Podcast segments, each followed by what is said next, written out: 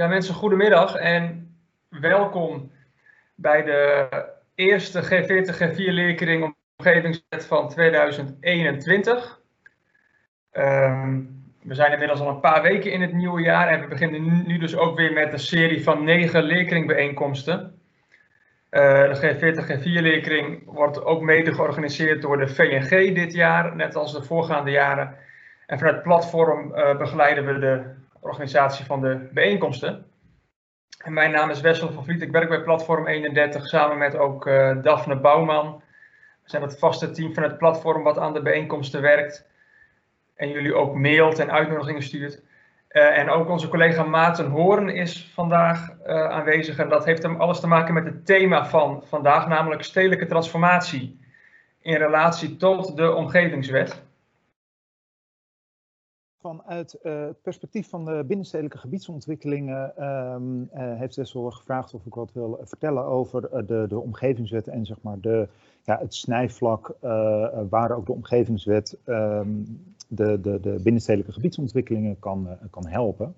ik ben Maarten Horen, projectleider ruimte bij Platform 31 en vanuit daar trek ik dit programma Stedelijke Transformatie.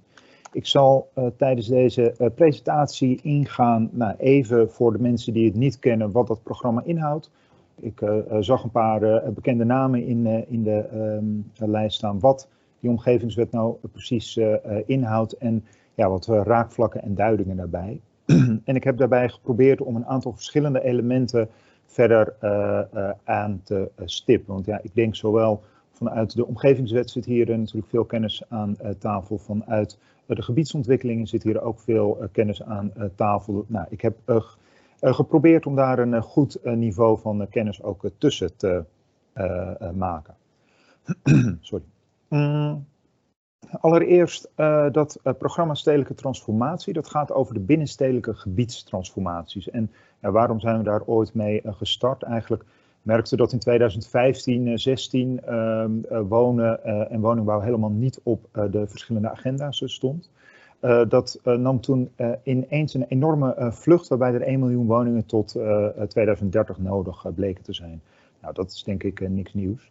Uit een onderzoek van de Brinkgroep dat toen was uitgevoerd is gebleken dat een heel groot deel van, dat, van die woningbouw in het bestaand stedelijk gebied kan worden gerealiseerd door gebieden die nu een andere functie hebben te transformeren naar een uh, woningbouwgebied. Ja, als we dan uitgaan van ook nog uh, sluitende grondexploitaties, wat best wel ingewikkeld is op die locaties, daarover straks meer, dan kan ruim een derde van die woningen op dit soort locaties uh, gerealiseerd worden, bleek uit het onderzoek van 2017. Ja, dat was een belangrijke aanleiding om met dat programma te starten. Maar aan de andere kant zou je ook kunnen zeggen, ja, waarom hebben we zo'n programma nodig? Want Um, uh, uh, gebiedsontwikkelingen is toch geen uh, nieuwe tak van, van, van sport. Maar we zagen wel dat die, die, die woningbouw in de bestaande stand dat het echt complex is. Een veelheid aan functies die er, die er zit. Sommige van die functies die functioneren goed. Op andere plekken is er veel leegstand. Ja, en ook om die gebieden op een goede manier te kunnen laten functioneren zijn er grote voorinvesteringen nodig. Opkopen van gronden, infrastructuur, saneren van boden, dat soort zaken. En ja, met ook een uh, veranderende uh, verhouding tussen de overheid en uh, markt. Een overheid die zich verder terugtrekt, meer het initiatief aan de markt laat, zag je ja, dat dat gewoon een andere manier van samenwerking met, zich, met zich meebrengt. En ja, dat past denk ik ook wel, de, de, de, de omgevingswet speelt hier denk ik ook wel in op een, maatschappelijke trend waarbij ja, meer ruimte voor dat initiatief moet, moet zijn ja, daarnaast andere grote opgaven die uh, spelen. Denk aan de energietransitie, uh, klimaatadaptatie, uh, dat soort zaken. Met ook nog verdere decentralisaties. En bij de start van dat programma ook afwezigheid van budgetten. Daar is nu wel het een en ander in veranderd. Met bijvoorbeeld de, de invoering van de woningbouwimpuls. Waarmee het Rijke miljard euro beschikbaar heeft gesteld. En we merkten ook gewoon ingekrompen organisaties bij zowel gemeenten als marktpartijen. Ja, dat heeft geleid tot een intensiveringsprogramma waar uh, de G40 ook nauw bij uh, aan is getrok, uh, ge, gesloten. René Veldkamp, ik zag ook dat je hier aanwezig bent, die zit daarvan ook in de werkgroep. Het is een samenwerking tussen verschillende overheidspartijen en verschillende marktpartijen. Ik denk dat dat ook wel een unieke samenwerking is, waarbij we kijken van ja, wat zijn nou die problemen, hoe kunnen we dan die problemen ook versneld tot, tot uitvoering brengen. Ehm, en de TU Delft is ook aangesloten om de kennis te verankeren in het onderwijs. Ja, om even te weten waar het over gaat. Dit zijn de verschillende gebieden die nu zijn aangemeld. Zo'n 35 verschillende gebieden door het hele land. En ja, met die gebieden kijken van wat zijn nou de, de vraagstukken die daar spelen. En daar proberen we dan ook ja, gezamenlijk verder te, uit te diepen wat de vraagstukken zijn en daar antwoorden voor, voor zoeken. Ja, wat zijn dan zo alle gebieden Hè, om daar even een, een, een, beeld bij te krijgen, wat voor soort gebieden hebben we het over. Ja, hier bijvoorbeeld uh, Breda, het, uh, het, havenkwartier, wat van een uh, bedrijventerrein echt een woonwijk moet, moet worden. Amersfoort, de Hoef, sprake van een kantorengebied waar veel verschillende kantoren ook getransformeerd gaan worden. En ja, waar dus ook de volledige leefomgeving heel anders gaat, zal gaan worden. Uh, hier Amstel 3 tussen Arena en um, uh, de, de, IKEA, waar ja, sprake is van een uh, enorme verdichting, waar ook de hoeveelheid vierkante meters werken behouden moeten blijven.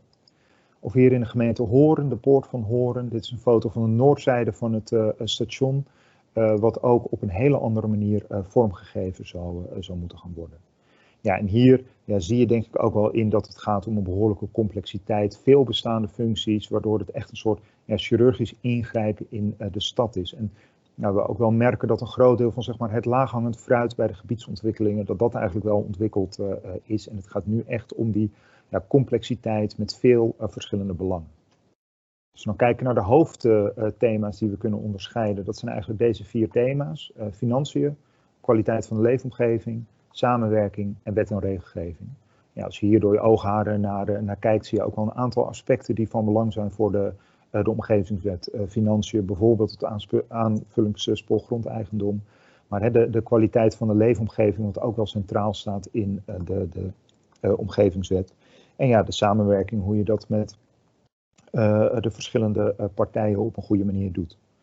Ja, daar maken we eh, een aantal verschillende. Uh, we, we, organiseren veel uh, themasessies waar we uh, met elkaar verkennen van wat zijn nou de vraagstukken en hoe kunnen we daar ook de oplossingen voor, voor bieden.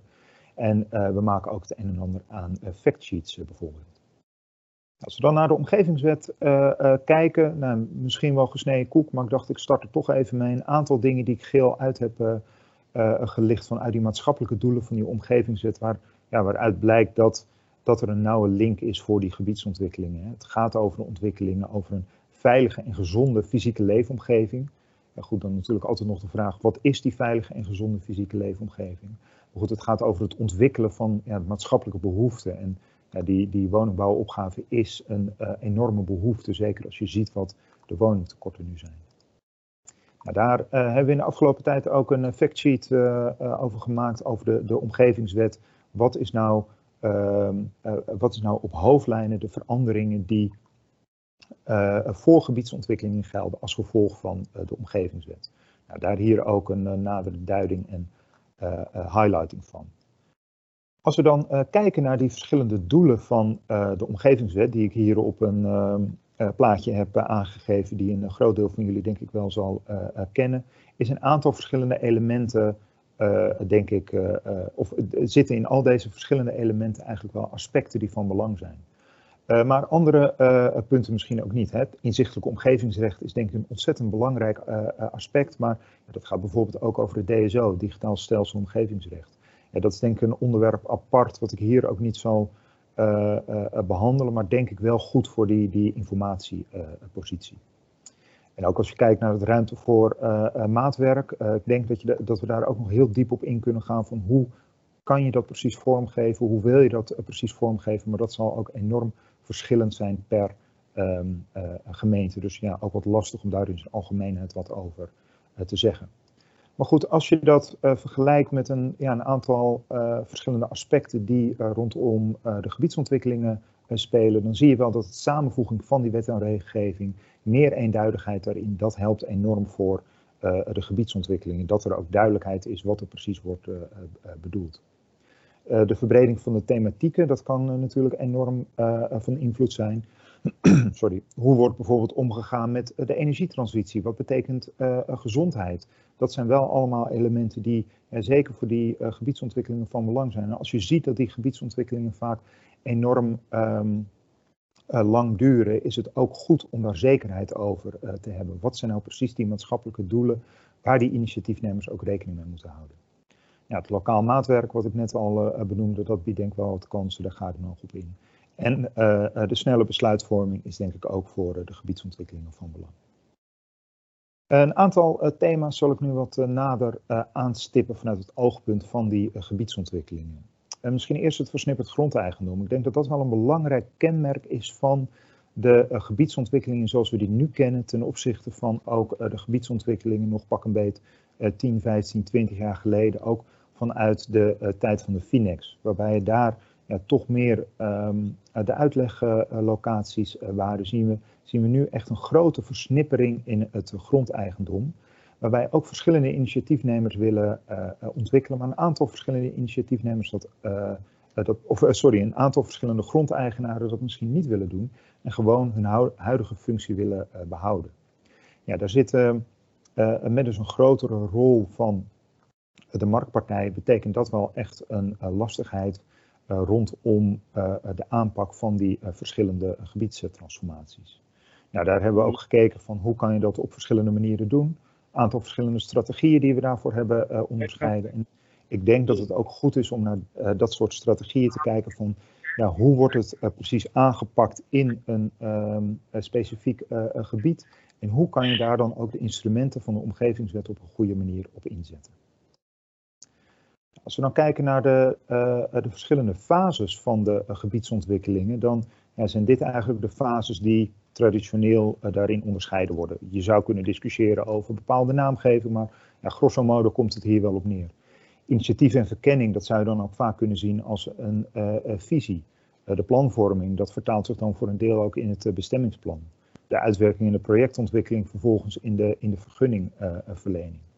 maar als je dan vervolgens kijkt naar die gebiedsontwikkelingen, hoe die vorm worden gegeven, wat daar de processen zijn, is dat eigenlijk gewoon meer een soort wervelstorm of wervelwind die ja, door al die fases heen gaat, waarbij je vaak ook weer stappen terug moet eh, gaan. Maar ook verschillende deelgebieden uh, een ander, andere snelheid daarmee hebben.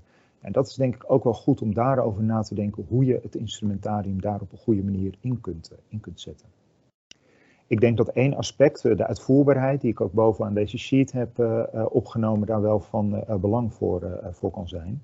En waar nu in het kader van bestemmingsplannen vaak ja, toch vrij uitgebreide onderzoeken uitgevoerd moeten worden en uit moet worden gegaan van een maximale invulling van dat hele bestemmingsplan, zie je dat dat verder wordt doorgeschoven naar um, de daadwerkelijke vergunningverlening. Wat dus ook ja, de, de mogelijkheden um, geeft voor veel meer flexibiliteit. Um, uh, daarin zie je gewoon dat in veel van die verschillende uh, gebiedsontwikkelingen het op dit moment ook gewoon nog niet precies duidelijk is wat er nou over vijf of tien jaar uh, ontwikkeld zal, zal worden. Als we dan nog wat verder naar die sturing en die juridische borging daarvan ook kijken, dan is nu een bestemmingsplan of een, het afwijken van een bestemmingsplan, een uitgebreide WABO-procedure, een, een, manier waarop dat wordt geregeld. Nou ja, dat, dat zou in een omgevingsplan uh, geregeld uh, kunnen uh, worden. Maar ik ben heel benieuwd of dat ook op die manier vormgegeven gaat worden. Ik zie dat op verschillende plekken gemeenten het ontzettend ingewikkeld vinden om een bestemmingsplan, en ook al is het een bestemmingsplan voor brede rijkwijde, al voor zo'n gebied op te stellen, omdat de ontwikkelingen nog ontzettend onzeker zijn. Dus uh, uh, daarmee uh, acht ik de kans ook wel groot dat er meer wordt gekeken naar de omgevingsvergunningen. En het, ja, het afwijken van je omgevingsvergunning met een zogenoemde buitenplantse omgevingsvergunning. Maar een heleboel van die vergunningen die worden nu in 26 weken ehm, verleend. Waar de omgevingswet er nu naar streeft, of waar de omgevingswet er naar streeft, om dat in 2000, vanaf volgend jaar in acht weken te laten plaatsvinden. Ik denk dat dit ook wel een hele cruciale is om er naar te kijken van gaat dat ook daadwerkelijk lukken om dat in die acht weken uh, voor, uh, voor elkaar te krijgen? En wat is daar ook allemaal voor, uh, voor nodig? Ja, als we dan naar die juridische borging en sturing kijken, zie je ook wel wat verschillende sturingsmogelijkheden die er, die er zijn.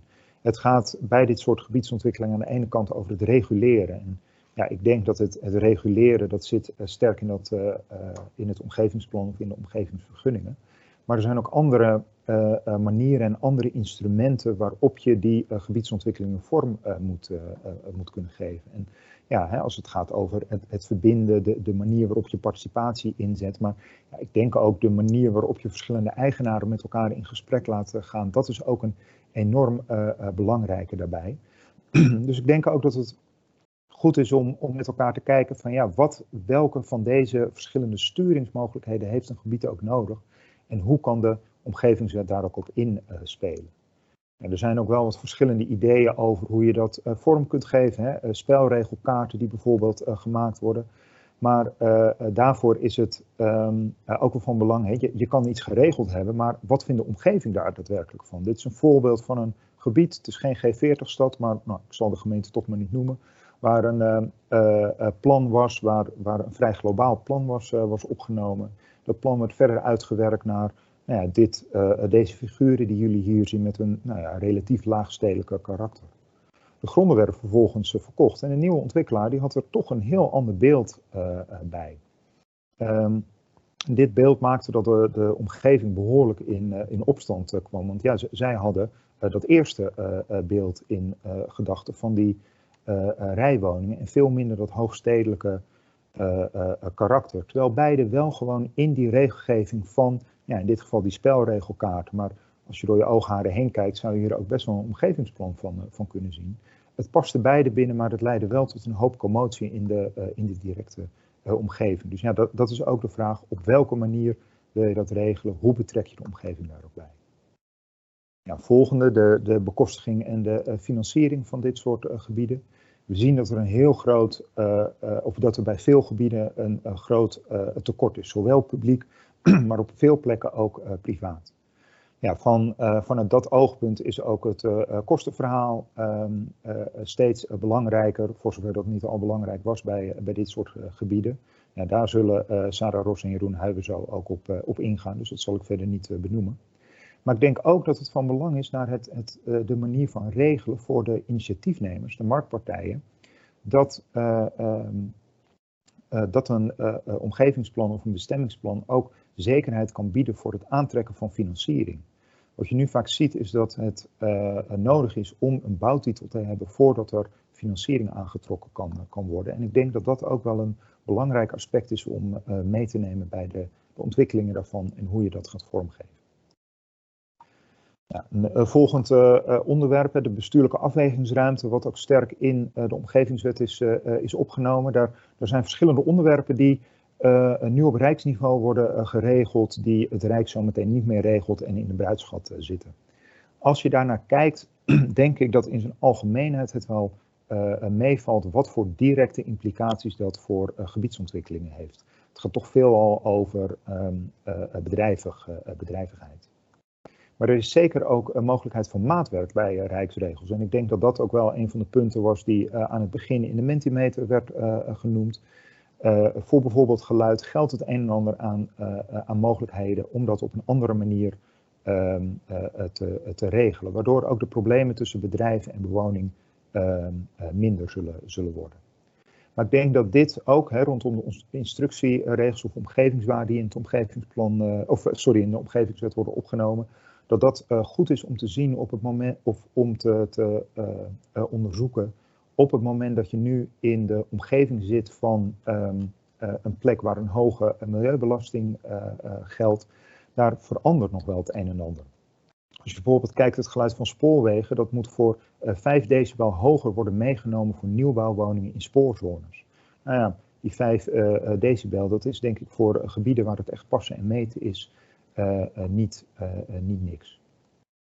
Ja, en andere wat denk ik een groot winstpunt is, is de integratie van het milieu en het milieuspoor en het ruimtelijk spoor. Als je daar nu ook kijkt hoe dat soms ingewikkeld is geregeld bij verschillende milieu, ehm, in milieuvergunningen, uh, uh, meldingen die gedaan worden, datgene wat in een bestemmingsplan uh, is opgenomen en wat er daadwerkelijk zit. Dat leidt tot ontzettend veel ruis en ik denk dat dat wel goed is dat dat geïntegreerd wordt en dat het dat makkelijker maakt. Maar ik denk dat dat bij geluid ook relevant is om te bedenken, hè, wat, wat, is prettig wonen? Als je kijkt, het, nou, het is misschien iets minder goed te zien, maar het burenlawaai, dat is het lawaai waar de mensen het meeste last van hebben in, in wonen. Ik denk dan ook dat, dat hè, andere thema's, die bestuurlijke afwegingsruimte, wat ook van belang is, duurzaamheid, gezondheid, mobiliteit, inclusiviteit, thema's die allemaal van, van belang zijn om, om te regelen. En wat nog wel een zoektocht is hoe je dat op een goede manier kan, kan regelen. Wat we daarbij merken is dat het goed is om een specifieke uh, visie te hebben en daar een uh, doel bij uh, te formuleren. Voorbeeldje wat ik hier heb opgenomen is van Smakkelaarsveld in, in Utrecht, vlak naast Hoogkaterijnen en het station. Hier was gezondheid ontzettend van belang, maar goed, gezondheid is een ja, breed begrip. En heeft de gemeente aangegeven dat zij stilte enorm belangrijk vonden. En uh, vanuit dat aspect van stilte, daar is verder uh, op doorgegaan om te kijken hoe die stilte zo goed mogelijk vorm gegeven kan worden. Zonder dat al direct werd aangegeven, we willen een geluidsniveau van zoveel dB of zoveel dB halen. Ik denk dat dat goed is in de geest van de omgevingswet en initiatiefnemers ook verder kan helpen. En ja, bij die afwegingen is het denk ik ook goed om te kijken hoe je dat op een goede manier kunt doen. Een voorbeeld daarbij is uh, een transformatie in Woerden waarin er een uh, spinnenweb is uh, gemaakt, wat eigenlijk wel een vertaling uh, zou kunnen zijn van ehm, het, het mengpaneel, waar een aantal verschillende onderwerpen is, is aangegeven en per deelgebied is aangegeven wat bepaalde streefwaarden zijn, wat eigenlijk in het midden dan wordt aangegeven, wat minimale waarden zijn en wat een soort van maximale waarden zijn. De bedoeling is om overal een streefwaarde te halen. Je mag sowieso niet onder uh, die minimale waarde komen. En als je ergens een minimale waarde hebt, dan moet je dat compenseren met een uh, maximale waarde. En nou ja, op die manier wordt een poging gedaan om ja, ook in te spelen op de locatiespecifieke gebieden. Ja, dan het laatste onderwerp waar ik nog op in wil gaan, participatie. Dat is ja, denk ik een hele belangrijke omgevingswet ademt participatie zou je kunnen zeggen. Maar ja, als je dat echt helemaal fileert en kijkt van wat staat er nou specifiek in de omgevingswet over participatie, is dat denk ik iets wat um, uh, heel erg voor een gemeente is om dat ook verder uh, in te vullen. De omgevingswet die gaat over de, de informele participatie, ja, die vormvrij is, en de formele participatie met specifieke termijnen van, van zienswijze. Ja, bij een omgevingsplan is het dus van belang om vooraf aan te geven hoe de participatie gaat plaatsvinden en er moet ook achteraf aangegeven worden hoe is geparticipeerd en wat daarvan de, eh, de resultaten zijn. Maar voor de gebiedsontwikkelingen zijn denk ik de, uh, de omgevingsvergunningen en die buitenplanse omgevingsvergunningen waar ik het over had ook, uh, of sorry, de omgevingsvergunningen ook van belang. een initiatiefnemer die zal bij het indienen van een omgevingsvergunning verplicht worden om aan te geven of burgers, bedrijven en maatschappelijke organisaties zijn betrokken bij de aanvraag. En op het moment dat is geparticipeerd, dan nou, moet de aanvrager ook aangeven hoe dat is gedaan. Als je dit ja, bekijkt, uh, op het moment dat een uh, initiatiefnemer zegt ik heb niet geparticipeerd, kan je daar eigenlijk als gemeente niet zo heel veel mee doen, strikt genomen. Een aanvraag voor een vergunning buiten het omgevingsplan om, kan de gemeenteraad gevallen uh, vaststellen van activiteiten waarbij participatie verplicht is. Dus op het moment dat in dat soort gevallen geen participatie is vormgegeven door een initiatiefnemer, kan um, de aanvraag verder terzijde worden gelegd en wordt er dus, kan, kan, een aanvraag buiten behandeling worden gelaten. Ik denk dat hier wel een kern zit waarin de omgevingswet echt een verandering aan de participatie geeft. Ja, hierin een, een overzicht. Ik, ehm, ja, ik, ik, ik hoop dat jullie hier het een en ander ehm, een nadere verbinding, of dat dit aanknopingspunten voor jullie geeft om ook een nadere verbinding te maken tussen uh, de omgevingswet en die uh, binnenstedelijke gebiedsontwikkelingen. we hebben een eigen website. Wil je nou nog meer over weten? Volgende week op dit tijdstip organiseren we ook een congres. Ehm, waar jullie je nog uiteraard voor kunnen aanmelden. En voor eventuele vragen ben ik natuurlijk graag beschikbaar.